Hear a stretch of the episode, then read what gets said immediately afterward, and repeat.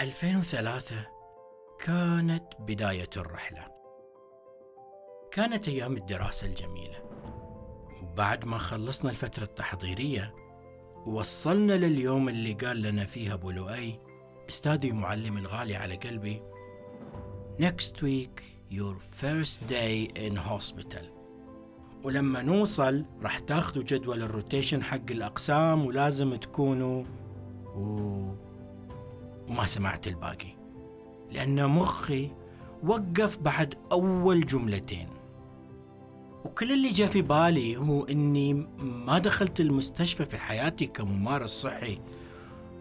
يعني بندخل الأقسام ونتعامل مع مرضى حقيقيين. لحظة مرضى حقيقيين. وإذا في شيء ما أعرف أسوي يا ربي وش هالمصيبة؟ وش بسوي؟ لين سمعت اسمي وهنا رجعت للقاعة اللي أذكره عن أول يوم إنه كان يوم عصيب ومخيف ومثير في نفس الوقت وبسبب هذا اليوم ما قدرت آكل أسبوع كامل مو عشان مسوي دايت مثلا بل بسبب اللي شفته وش شفت؟ مم. أكيد خاطركم تعرفوا وإذا ملزمين تعرفوا السالفة خلونا نبداها من الأول. اسمي عبد الله المحروس وحياكم الله في بودكاست معطف تم تحديد أول يوم تعريفي في المستشفى لنا كطلاب وطلب المشرف منا نتجمع في مواقف السيارات وبعدها ندخل كجروب. طبعا الله لا يوريكم أشكالنا وإحنا داخلين اللي ما يشتري يتفرج. المهم جمعونا في قاعة المحاضرات وكانت مشرفة التدريب تعطينا معلومات أساسية عن المستشفى. كم سرير والأقسام والتخصصات وإحنا من جنبها ضايعين. ما إحنا فاهمين شيء. كل اللي نعرفه من الثاني يوم هو اليوم الفعلي لنا في الأقسام. حضرت على راسنا نص ساعة وبعدها قالت يلا نشوف الأقسام. وبعدها بعطيكم جدول ال rotation. حفلة اللفة في المستشفى واللي يشوفنا مثل جهال ومضيعين أمهم. خلص اليوم التعريفي واستلمنا جدول ال rotation والمشرف قال لنا مع السلامة. بكرة تجوا أقسامكم وبمركم هناك. الحين استلمنا الجدول وأنا أبحث ولا اسمي في قسم وحدة الحروق. مم. طبعا إلى هذه اللحظة أنا مو فاهم ولا مستوعب الموضوع. ولا إيش يعني حروق؟ وليش في وحدة حروق أصلا؟ إذا البعض مثلي انتظروا لين نوصل للمريض الأول في حياتي. نسيت أخبركم إن كطلاب في البداية المفروض نكون متفرجين فقط علشان نتعلم. أبغاكم تذكروا هالنقطة زين. صبح الصبح. وهذا اليوم الأول لي. وبكل حماس وخوف دخلت المستشفى توقيع الحضور في مكتب مشرفة التدريب عشان توصلنا إلى الأقسام اللي بنداوم فيها. يعني كأنها أمك توديك المدرسة أول يوم عشان تطمن عليك. وصلت القسم وقدمتني للرئيسة وطلبوا مني ألبس ملابس ثانية معلومة سريعة وحدة الحروق من الأماكن اللي ما تدخلها بأي لبس. يعني لازم تلبس لبس خاص شوز كفر قام هيد كفر ماسك وهذا اللي حصل. أذكر أن وحدة الحروق في ذاك الوقت كان فيها خمس حالات وبما أني وصلت أول يوم بدري صارت لي الفرصة أني أسمع الإندورسمنت يعني عرض وتسليم الحالات وتطورها والأحداث اللي صارت آخر 24 ساعة. خلص الاستلام وصار الوقت اللي بنشوف المرضى حقيقي. الحالة في غرفة واحد بتكون لك مع المسؤولة عنها. هذا اللي سمعته. كنت مبتسم لين دخلت الغرفة. أول شيء شميت ريحة غريبة. بعدين سمعت أصوات طوط طوط طوط. ولا مريض ملفوف من رقبته لين رجوله حرفيا. هذه الحالة حقتنا ونسبة الحرق كانت 99% طبعا اللي أذكره إلى الآن إحساسي والريحة والمرارة في آخر حلقي والعرق والمكان صار حار. إيه حار حتى. أصلا فطست وإحنا لسه ما بدينا. إذا مفكر إن الحدث خلص تكون غلطان. ترى لسه ما بدأ. الممرضة الماسكة الحالة قالت لي يلا نفك الغيار عشان الراوند الصباحي. وأحتاج مساعدة. ما عرفت ويش أقول ولا ويش أسوي. صرت أمسك المريض وهي تفك الغيار. وكل ما فكت شيء الريحة قاعدة تزيد. والإحساس اللي أنت خابر قاعد يزيد عندي. خلصنا؟ شويات وصل الاستشاري قام يسولف عن الحالة وأنا ما في مخي إلا الريحة. سمعته يقول The skin is too tight. I need a blade. مسك البليد أو المشرط و... وما أدري كيف أقولها. بس أقدر أوصفها من وجهة نظر شخص أول مرة يدخل المستشفى ويشوف مريض ومعلوماته أقل من قطرة في محيط. شرح الرجال حرفيا. طبعا كنت أبي أصيح حزتها وجتني الغبنة. ريحة وتشريح وبعدها عبيناه في لامازين ولفيناه من جديد.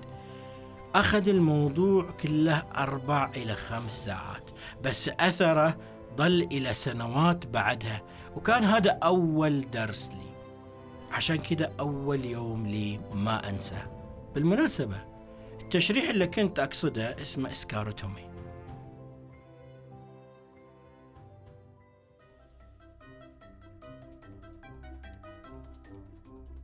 عادة أول يوم لك في أي مهنة أو أي مكان جديد يخليك تمر بسلسلة من المشاعر المتقلبة. البعض يكون متحمس جدا ومجموعة تكون خايفة ومتوترة وفي مجموعة من الناس ما يقدروا يناموا بالذات قبل اليوم الأول لأنه ما يدري هو مقبل على إيش ولا يعرف الأحداث اللي ممكن تمر عليه عزيزي المستمع أنت من أي نوع؟ هل كان الحماس غالب عليك ولا شعور ثاني؟ خل أخبرك معلومة في نتيجة استبيان عملناه بين شريحة من الممارسين الصحيين بتخصصات مختلفة لقينا أن 14% من المشاركين كانوا خايفين قبل اليوم الأول ومن 35% عاشوا التوتر قبل وأثناء أول يوم وثلاثة بالمية فقط قالوا إنهم ما حسوا بأي مشاعر أو ما يعرفوا كيف يحددوا مشاعرهم. الشيء الجميل إن 68% كانوا متحمسين جدا وعندهم روح إيجابية. الآن أرجع لك عزيزي المستمع، كيف كان إحساسك؟ تقدر تشاركنا في التعليقات الخاصة بالحلقة وتخبرنا وخلينا نعرف أكثر.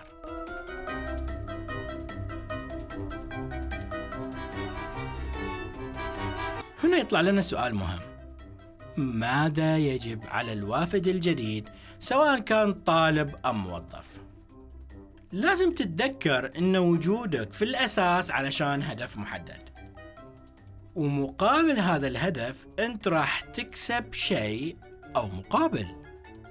فالمفروض قبل أول يوم عمل حقيقي واجب عليك أولا أنك تتعرف على المكان والنظام.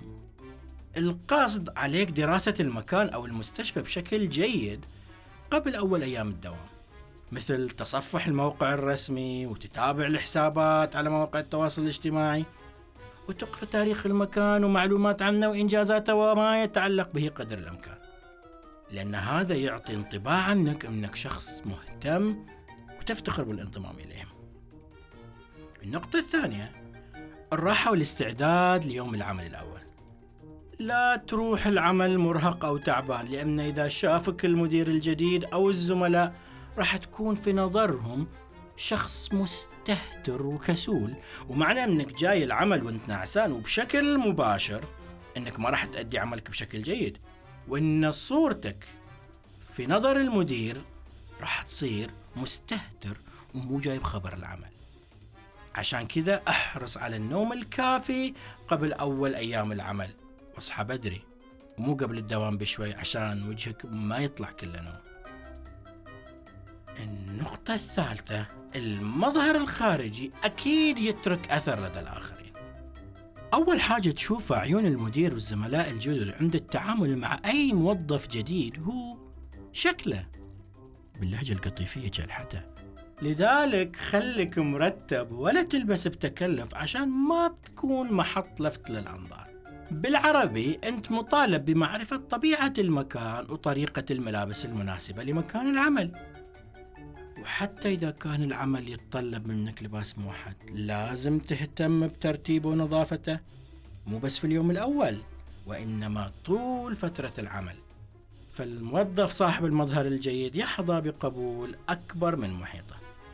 النقطة الرابعة تذكر أن اللباقة مفتاح أبواب القلوب.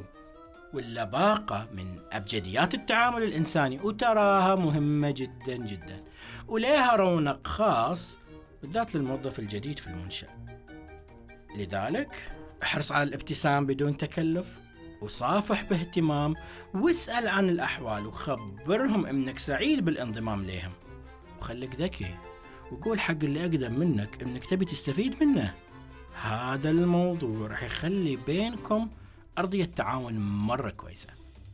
طبعا لا تنسى إنك تعرف عن نفسك وطبيعة تخصصك وتتكلم للموظفين عن دورك في إطار إنك جيت تتعاون معاهم مو تقدم لهم خدمات وإضافة.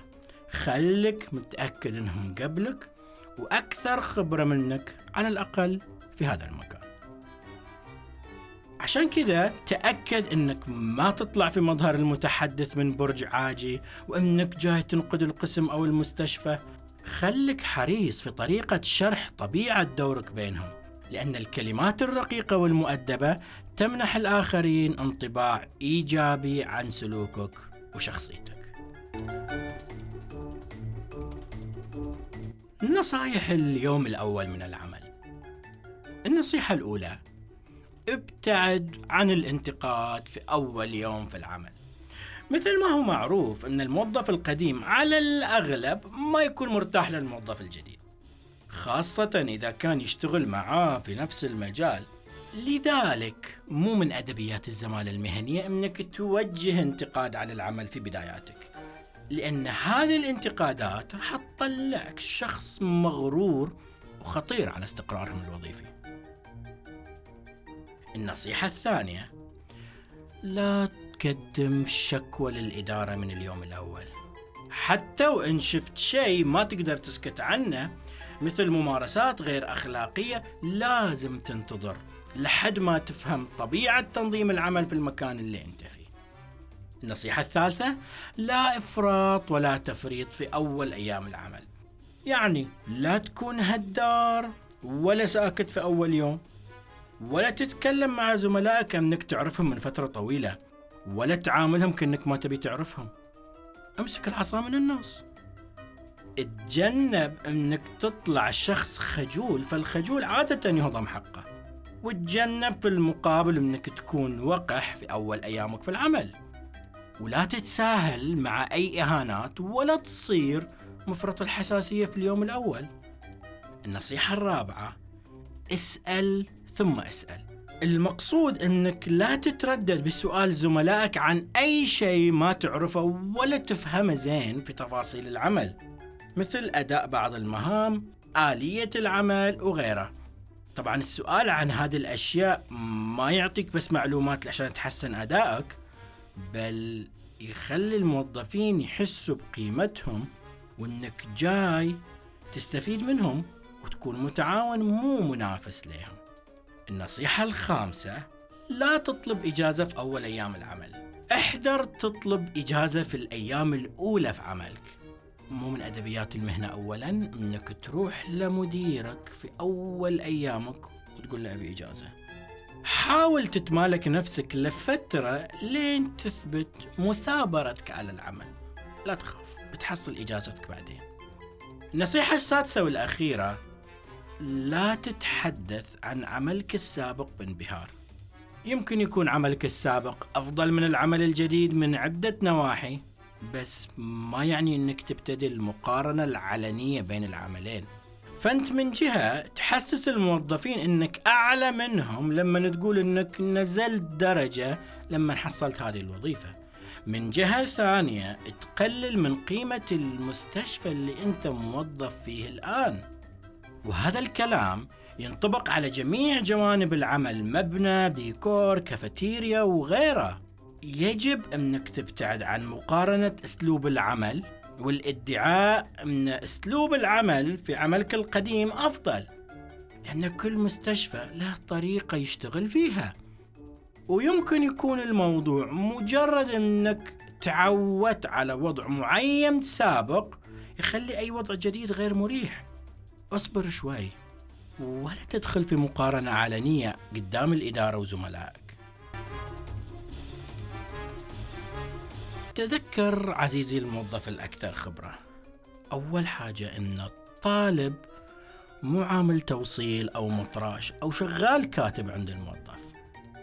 وتذكر أن الموظف الجديد مو غبي أو ما يعرف شيء.